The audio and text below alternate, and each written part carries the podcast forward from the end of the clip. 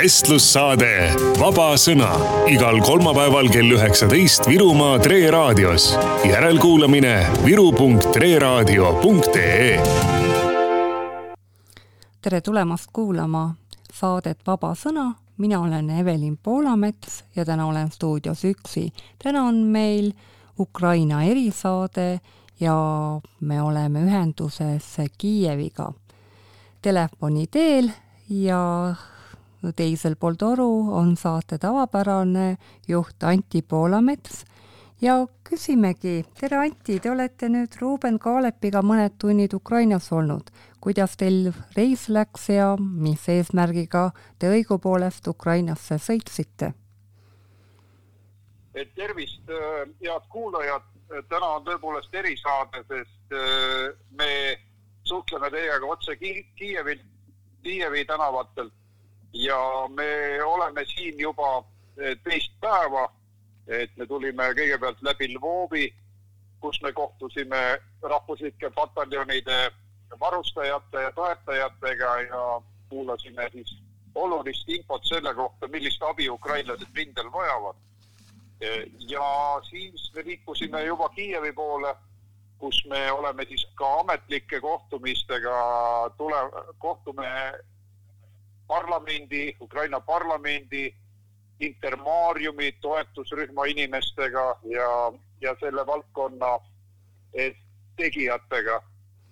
ja muidugi oleme me siis jällegi oma abikätt ulatamas, et käisime läbi rehabiliteerimiskeskuse sõdurite, sõdureid vaatamas, mis oli väga liigutav ja kogu sõja traagikat edasi andev, sellest võime ka pikemalt rääkida ja siis me oleme jällegi täna olnud rahvusliku pataljoni Azov juures ja vestelnud nendega nende vajadustest ja, ja sellest, kuidas Ukrainal selles ränkraskes võitluses läheb. aga kas te olete ka teada saanud, et mida nad õigepoolest kõige rohkem, õigupoolest kõige rohkem vajavad, millist abi? Eks laias laastus vajavad nad kõike, sest eh, nii ohtliku riigiga nagu Venemaaga võitlus nõuab kõike eh,, alates humanitaarabist kuni kõige raskemate relvadeni. küll aga me oleme targemaks saanud sellest, mida just praegusel hetkel kõige rohkem vaja on nende relvastuses, need vajadused pisut muutuvad eh,, mille, näiteks soomusveste on päris palju tulnud, et äh, näit-, ühel rahvuslikul pataljonil oli neid juba päris palju. see oli jällegi vaja rindevõitlejatel äh, öövaatlusseadmeid ja äh, seda kõike kulub neil üha rohkem ja rohkem. ja, ja muid, muid sõjalisi tarvikuid.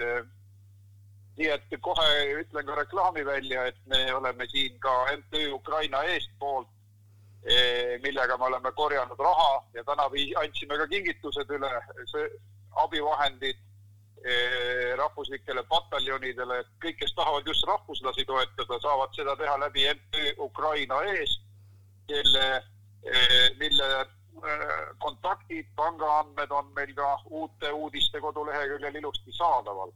et teie toetus on väga oluline ja, ja me leiame sellele just kõige patriootlikumad ukrainlased, kes seda hädasti vajavad. me teame ja, et päris äh, ma lisaks juurde, et äh, tõepoolest me oleme saanud targemaks äh, tänase ja eilse päeva jooksul väga palju selles osas, mis on hetkevajadused Ukraina võitlejatel nii relvastuse kui ka näiteks meditsiini osas. ja meie peamine eesmärk siia tulles loomulikult oligi Äh, esiteks äh, Ukraina vabadusvõitluse abistamine, äh, saada selle kohta rohkem informatsiooni, mida saab Eesti teha, mida me saame teha diplomaatilisel tasandil, kuidas me saame mõjutada ka oma värskeid liitlasi, näiteks Soomet ja Rootsit, selleks, et nemad rohkem panustaks Ukraina abistamisse, aga lisaks sellele on kindlasti väga oluline selle visiidi juures ka, et kuna see on äh, siiamaani selle aasta jooksul äh, on väga vähe Riigikogu äh, visiite Ukrainasse tegelikult ette võetud ja EKRE poolt me oleme esimesed, siis esiteks näha oma silmaga seda olukorda koha peal, tunnetada seda rahva vastupanu vaimu ja näha võib-olla selle juures ka nüansse, mida me meediast ja uudistest nii palju tähele ei pane. Ja kolmandaks loomulikult see diplomaatiline toetus, et tuua siit tagasi selge sõnum eestlastele, meie toetajatele, meie kuulajatele selle kohta, kuidas ukrainlased võitlevad endiselt suures ülekaalus oleva vastase vastu, kuidas nad on suutnud nii oma moraalse kindlusega kui ka siis selle rahvapoolse toetusega ja suures osas ka nii eestlaste kui paljude teiste rahvaste abi kaudu siis seda rinnet hoida. Näiteks äh, saime teada, et äh, just kuulivestide osas on äh, eestlaste abi olnud väga märkimisväärne, et kaks tuhat kuulivesti, mis eestlased on Ukrainasse saatnud, on selgelt päästnud nii mõnegi võitleja kindlust surmast. no siin ma tahaks lisada, et kaks tuhat kuulivesti on ainult Kadrina grupi vaprate vabatahtlike töö tulemus, kes on just rahvusliku pataljoni ühte rahvuslikku pataljoni toetanud, et mujalt liini pidi läheb neid veste hulgim ka, aga noh, see näitab, kuidas väike, väikene seltskond suudab tohutult abistada. ja kui mina lugesin, et sakslase, Saksamaa on saatnud just tuhat viissada killu vesti ja Virumaa vabatahtlikud kaks tuhat suurepärast kuulivesti, siis see paneb ikka mõtlema küll, et, et kuidas tegelikult lääs võiks aidata, kui ta päriselt tahaks pingutada rohkem, siis kogused oleks kümned tuhanded vestid, sajad tuhanded kiivrid isegi. Nii et arenguruumi on väga-väga palju just meie lääne, lääneliitlaste ja Saksamaa, Prantsusmaa ja nende juures. Ja tõepoolest neid kuuliveste ju sai meil endilgi käidud abiks tegemas ja see on tõepoolest, kui neid numbr-, numbreid vaadata on äh, hämmastav, kuidas äh, killuveste saadetakse tuhat viissada ja meie väike Kadrina teeb juba kaks tuhat kuulivesti. aga ma tean, et ei läinud päris tühjade kätega, rääkige täpselt, mida te siis külakostiks äh, viisite, et mis oli see abi ja kuidas te sellega lennukile pääsesite, et kas oli ka mingeid vahejuhtumeid? Külakostiga oli hästi. me viisime sedasama asja, mida viib Porošenko praegu suurel hulgal Eestist Ukraina vägedele, need on luuredroonid, väga efektiivsed, väga head asjad, aga see oli siiski noh, kingitus selles mõttes paljaste kätega ei minda, et tänapäeval ukrainlastele külla ennekõike me ikkagi korraldame rahvusvahelist toetuskampaaniat nende jaoks, sest Riigikogu liikmetel on võimalused olemas. mina lähen äh, ka Islandile äh, septembri alguses Balti Assambleega kohtuma Põhjamaade riikidega ja, ja meie teeme eriti just seda tööd, mida teistel ei õnnestu praegu teha, et diplomaatilist lobitööd Ukraina toetuseks, mida me oleme teinud ka juba päris pikalt varasematel kuudel. aga meil on tahtmine ka lihtsalt käsi külge panna igapäevases tegevuses, et oleks tunne, et see ei oleks abstraktne, et kunuda varjevõrke, oleme kogunud raha, oleme toetanud kuulivestide valmistamist. ehk see on küll hea tunne, kui äh, kellegi elu saab päästetud, sest on ka tulnud selliseid teateid inimestele vastu, kes on kuulivestide annetanud, et kuulge, näete, mul on siin kuulivestis mõlk sees, et see oli tänu teie kuulivestile. no seda on rõõm kuulda. meie vestlusega vahepeal ühines Ruuben Kaalep, kui kui kuulaja ära ei tundnud häälest, aga ma küsikski Ruuben Kaalepilt, et mida kujutab endast Ukraina parlamendi suurim toetusrühm Intermarium, toetusrühm, kelle kelle küllakutsel te Kiievis ju hetkel oletegi? Äh, jaa, äh, see on äh, tegelikult üks võib-olla kõige tugevam sõnum, mis ukrainlaste enda mõtetes ja meeltes selle konflikti algusest peale on saanud järjest selgemaks, on see, et oma riigi kaitsele ei saa loota paraku mingite meist kaugel asuvate suurriikide toetusele, et nemad selle, äh, selle raske töö ära teeks. et iga rahvas peab suutma ennast ise kaitsta ja need rinderiigid, kes on selles Kesk- ja Ida-Euroopa piirkonnas ühise ajalooga, sarnaste kultuuriväärtustega, need riigid tegelikult on paratamatult sunnitud tegema koostööd nii riigikaitsel kui ka erinevatel välispoliitilistel tasanditel. ja selles mõttes tõesti on väga võimas rõõmustav uudis, et just see Ukraina parlamendi toetusrühmadest kõige suurem ongi siis Itemaariumi toetusrühm, mis on suunatud just nimelt selle uue ida ja lääne vahel asuva geopoliitilise ploki loomisele. et see on üks valdkond, kus Eesti võib-olla ühiskonna teadvustamise mõttes tegelikult väga pikk tee minna, et me oleme ju aastakümneid kujutanud ette ennast kas siis uue Põhjamaana või mingi teise geograafilise suundumusena, aga tegelikult need geopoliitilised protsessid, meie asukoht Venemaa kõrval ja nii edasi, täiesti vääramatult määravad selle, kuhu me kuulume praegu ja see koht, kuhu me kuulume, on Ukraina kõrvale selles vabadusvõitluses. ei ole ju, ei ole ju üllatus, et just Baltimaad on need, kes ühe inimese kohta on kaugelt kõige rohkem Ukrainale toetust avaldanud ja seda me kuuleme siin ka kõigi ukrainlaste käest, kellega me räägime.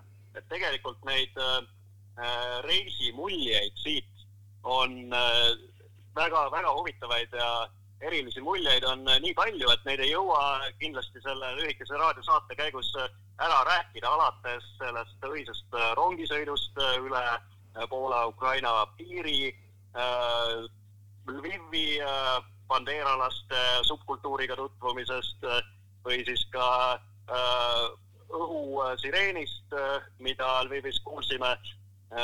huvitav oli see, et õhusireenile tegelikult tänaval mitte keegi ei reageerinud. keegi ei, ei, ei joost kuhugi varjenditesse, mis on märk sellest, et sellega ollakse nii harjunud juba, see on täiesti tavaliseks osaks muutunud igapäevaelus. ja me siis ka selle põhjal arvasime, et tegemist oli siis kas mingi õppehäirega või testiga või midagi sellist. aga päev hiljem kuulsime Kiievist taksojuhilt, et oligi eile siis Lvivi rakett kukkunud, et ma küsin vahele, et ma küsin vahele, et kuivõrd linnapildis või et teie reisi käigus, et, et kuivõrd on silma hakanud seda sõjategevust, et me näeme aeg-ajalt sotsiaalmeedia vahendusel, kus mingid raketid on asfaldisse puurinud ja ei ole lõhkenud, aga kui palju teile silma jäi seal seda sõjategevust oma reisi käigul, linnapildis, jah? no Lviv, Lvivi me liigitasime ilusaks, aga ka selliseks tõsiseks tagalalinnaks, sest Lviv on väga ilus, väga ilus linn ja kohvikud olid rahvast täis, aga rahvas oli tõsine, ei olnud ülemeelik ja et kõiges oli oma sõjapitser ja, ja ka no linn oli täis rahvuslikku reklaami, et toetage armeed, sõjaväelasi oli palju, liivakottidega olid aknad blokeeritud, aga siis, kui me rongiga sõitsime Kiievi poole siis me nägime tankitõrjekraave, mis olid tõmmatud raudtee ligidas, ligidale, seal, kus Vene väed juba olid päris lähedal Kiievile. ja, ja homme me külastame ka seda Butšat, mis on see massimõrvade, massimõrvade koht ja et äh, seni me oleme sõjajälgedest eelkõige näinud just äh, neid äh, kindlustusi, mis on siis Ukraina poolelt ehitatud siin. Kiievi linn on täis erinevaid tankitõkkeid varjendeid ka Lviv noh, alates sellest, kuidas aknad on kindlustatud klaasi purunemise vastu ja nii edasi, siis kuni konkreetsete varjenditeni, mida kaevatakse parkidesse ja nii edasi, et aga nüüd päris neid rindepiirkonna sõjategevuse jälgime ilmselt näeme homme, jah. ja homme õhtul me võtame osa ka siin meeleavaldusest, mida korraldavad Aasovi rügemendi siis Venemaal vangis olevate võitlejate omaksed selle tõttu, et Venemaa teatavasti äsja otsustas kuulutada Azovi terroristlikuks organisatsiooniks, millele ukrainlaste vastus on üks ja selge, et terve Vene riik on maailma kõige suurem terroristlik organisatsioon ja täpselt sellisena ta tuleb ka rahvusvahelisel tasandil üheselt äh, kuulutada. ja me läheme siis osalema sinna koos äh, nende võitlejate äh,, naiste, laste, õdede, vendade, emadega äh,, nende hulgas ka siis äh, äh meile tuntud Azovi komandöri äh, Deniss Prokopenko äh, abikaasa. Äh, ja äh, tõepoolest, see on äh, see moment, kus tuleb kõige suuremat äh, solidaarsust äh, Äh, näidata, sest et äh, Venemaa täiesti selgelt äh, näitab oma käitumisega, sõjavangide tapmisega ja nendelt siis selle sõjavangi staatuse äravõtmisega seda, et see on täpselt sama vägivaldne asiaatlik impeerium, mis ta oli Liivi sõja ajal, mis ta oli Teises maailmasõjas ja kõik see jätkub. et äh, ei ole enam mõtet äh, usaldada venelaste lubadusi, mis puudutavad sõjavangide head kohtlemist või nii, edasi. no samas, kui see kallaletung ja kogu Venemaa käitumine on terroristlik, pommitused on terroristlikud, eh, ehk siis see peaks olema ammu otsustatud juba, aga no mõningad juriidilised toimingud võtavad aega, sest sõda võtab kogu tähelepanu. aga Eesti Riigikogu ju võttis juba seisukoha, et tegu on ju genotsiidiga Eesti karistusseadustiku mõistes eriti mis puudutab vastupanuvõitlejate süsteemset hävitamist, tapmist. nii nagu meil hävitati metsavendi eh, kui vastupanuvõitlusesse kuuluvat gruppi, et kõike seda on siin Venemaa harrastanud ja minul ajaloolasena tuleb ikka meelde paralleel sellega, kuidas tuhat kakssada kolmkümmend seitse mongolid hävitasid Kiievi, tapsid kõik maha. Et Venemaa on pärinud selle mongolite jõhkra käitumisviisi ja kaks tuhat kakskümmend kaks me näeme, et ei olnudki Batu-khaan justkui ajalukku kuuluv, vaid siin ta on. et nende sõjaline doktriin äh, on ka selline, et kui on vastupanu, pommitame linna maatasa, läheme tankidega peale. kui keegi veel vastu tulistab, siis hakkame kõik otsast pihta ja pommitame niikaua, kui ei ole ühtegi maja püsti. et ka see on mongolite taktika, et põletatud, hävitatud maa taktika, ei mingeid reegleid. ja kui kui me mõtleme meie hea kaasmaalase Martensi peale, kes kunagi Tsaari-Venemaal ka kehtestas, aitas kehtestada või liituda sõjaliste piirangkonventsioonidega, kus siis olid tsiviliseeritud sõjapidamise reeglid kirja pandud. Friedrich Martens keeraks hauas ringi, kui ta kõike seda näeks, et kui Venemaa ise tsaari ajal ühines teatud reeglitega, siis tundub, et kommunism on hävitanud viimased riistad inimlikkusest või teatud noh, kasvõi mingitest sõjapidamise reeglitest, et pole midagi järgi jäänudki.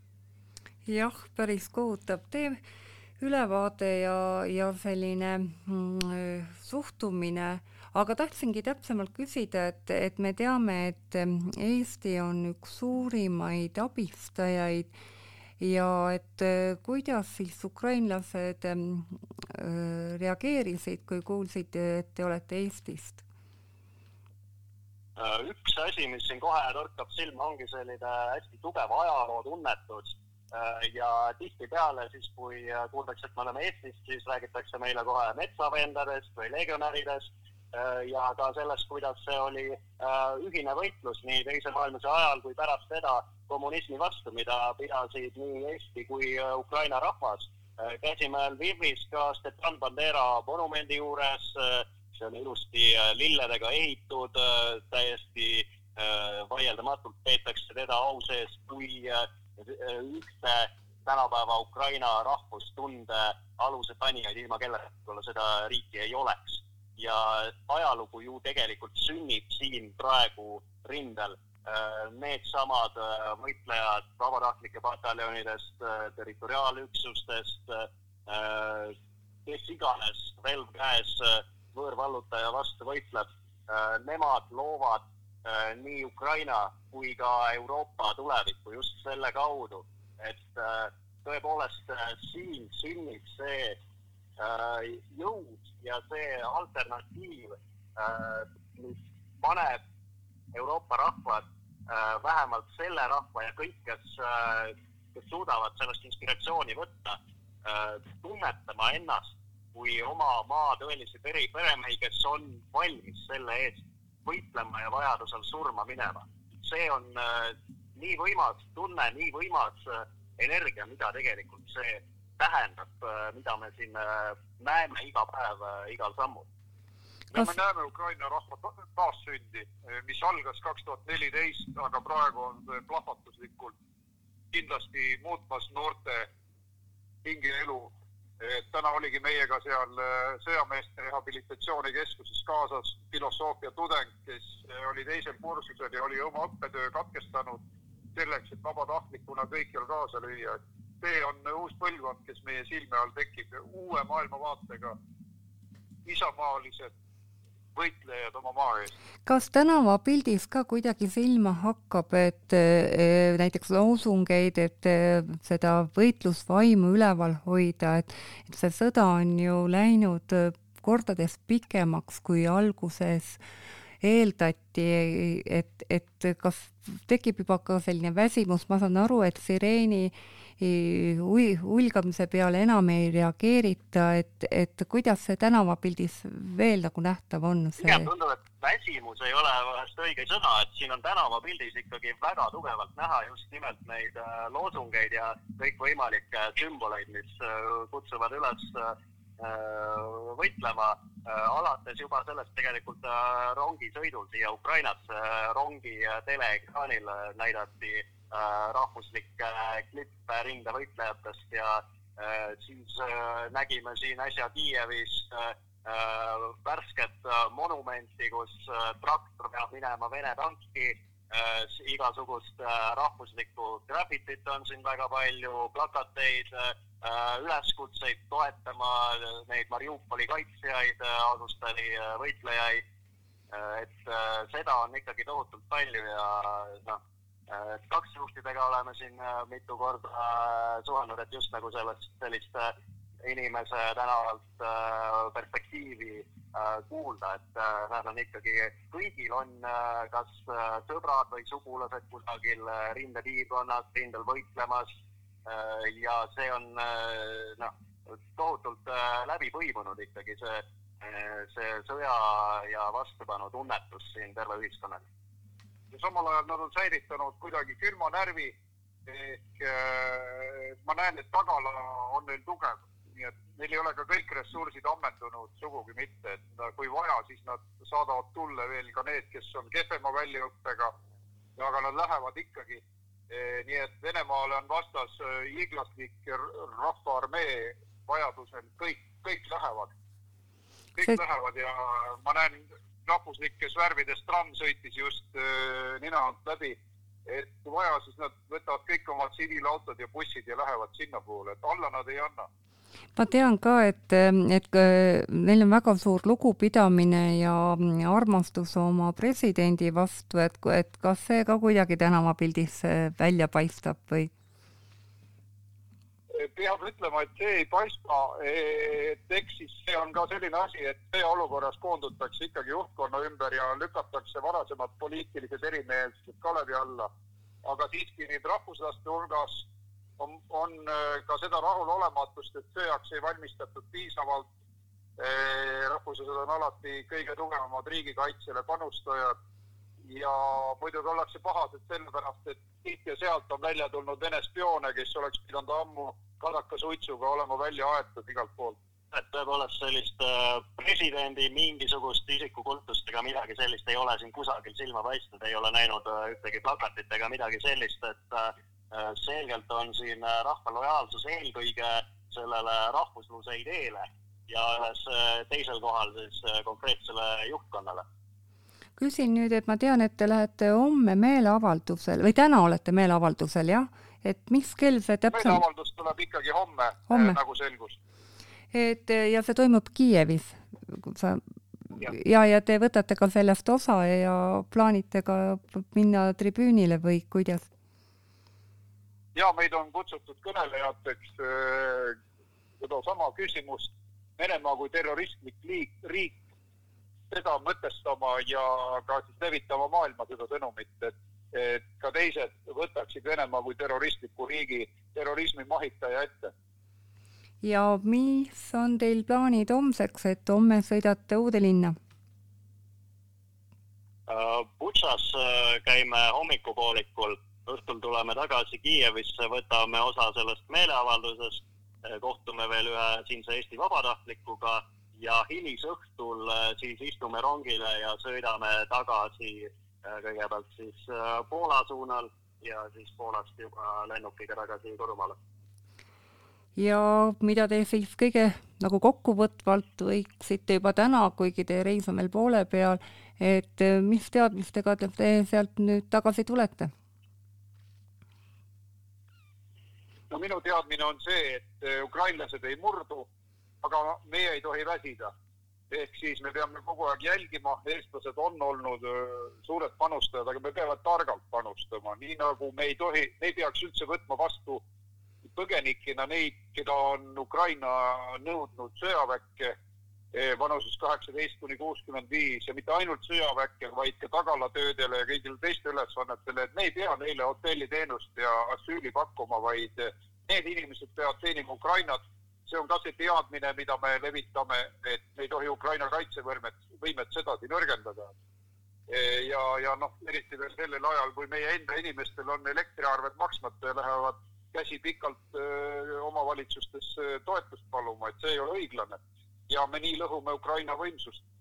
see, mida me siit Ukrainast saame, on ikkagi tohutu õppetund ja kõik Äh, peaksid siin tegelikult käima, et äh, saada see kogemus kätte ja näha seda oma silmaga, et äh, see on õppetund nii sõjapidamise osas, rahvusidentiteedi hoidmise osas, selle osas, kuidas oma liitlasi toetada ja, kuidas ehitada ühiselt üles Euroopa tulevik meie regioonis. Ja Euroopa tulevik peab olema rahvuslik, sest rahvuslus on see, mis Ukrainat praegu päästab. See ei ole ju sooneutraalsus, mis eh, ajab neid sõtta oma maa eest, see on armastus oma kodumaa eest, see on äh, austus oma ajaloo ees. Ja ka mäletamine, mida siis Venemaa nende vastu on teinud. kuidas on neid püüdnud surnuks näljutada, nende keel likvideerida, neid hävitada mitmel eri moel, aga rahvas mäletab ja hakkab vastu. ja muidugi on see tõeline hoiatuskõne meie riigikaitse osas kõikidele poliitikutele, et ei ole aega venitada. kohe tuleb tegutseda jah, et äh, tõepoolest, et me ei toimuks nagu sama asja nagu meilgi, et, et tunneksime pärast süüd või, või pahameelt, et äh, riik pole piisavalt panustanud riigikaitsesse, et, et see kõik ju oleks võinud võib-olla hoopis teistmoodi olla, kui riik oleks väga tugev et vaenlane ei tahagi rünnata, et, et jah, siin tekib ju palju selliseid erinevaid mõtteid, et kuidas sellist sõda ennetada, et kõige parem sõe, kaitse või kõige parem sõda on ära jäänud sõda, et täpselt nii, täpselt nii, see kõik on tohutu mõtlemisaine kõigile, kõigile. Kõigile, kõigi eriala inimestele, sest äh, tegelikult saame me erinevatel erialadel panustada. selleks ei pea olema kutseline sõjaväelane, et panustada. elanikkonnakaitse jaoks, Naiskodukaitses, Kaitseliidus on niivõrd palju võimalusi.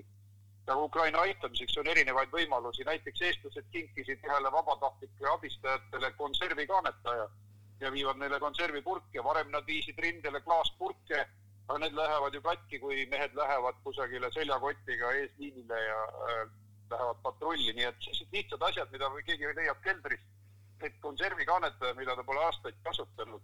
et olge head, äh, tuletage meile vabale sõnale meelde, kui teil on mõni selline ese, et me paneme kokku järgmist saadet vist Ukraina jaoks ja tahame, tahame ka ühe bussi neile kinkida ja selle maast laeni vajalikke tarbeid täis panna, et iga abi on teretulnud.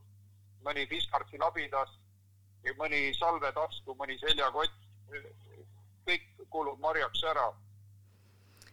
suured tänud selle ülevaate eest ja, ja loodame, et ka meie kuulajad said mm, targemaks, said mm, ka seda tunnetust, mis hetkel Ukrainas toimub ja mis ma soovin teile, jõudke turvaliselt koju ja, ja ootame teid jälle ja uut uude saatesse, mis toimub juba järgmisel kolmapäeval, aga aitäh kuulamast, kallid Vabasõna kuulajad ja kõike, kõike head! aitäh kuulamast! Vestlussaade Vaba Sõna igal kolmapäeval kell üheksateist Virumaa Tre raadios. järelkuulamine viru.treraadio.ee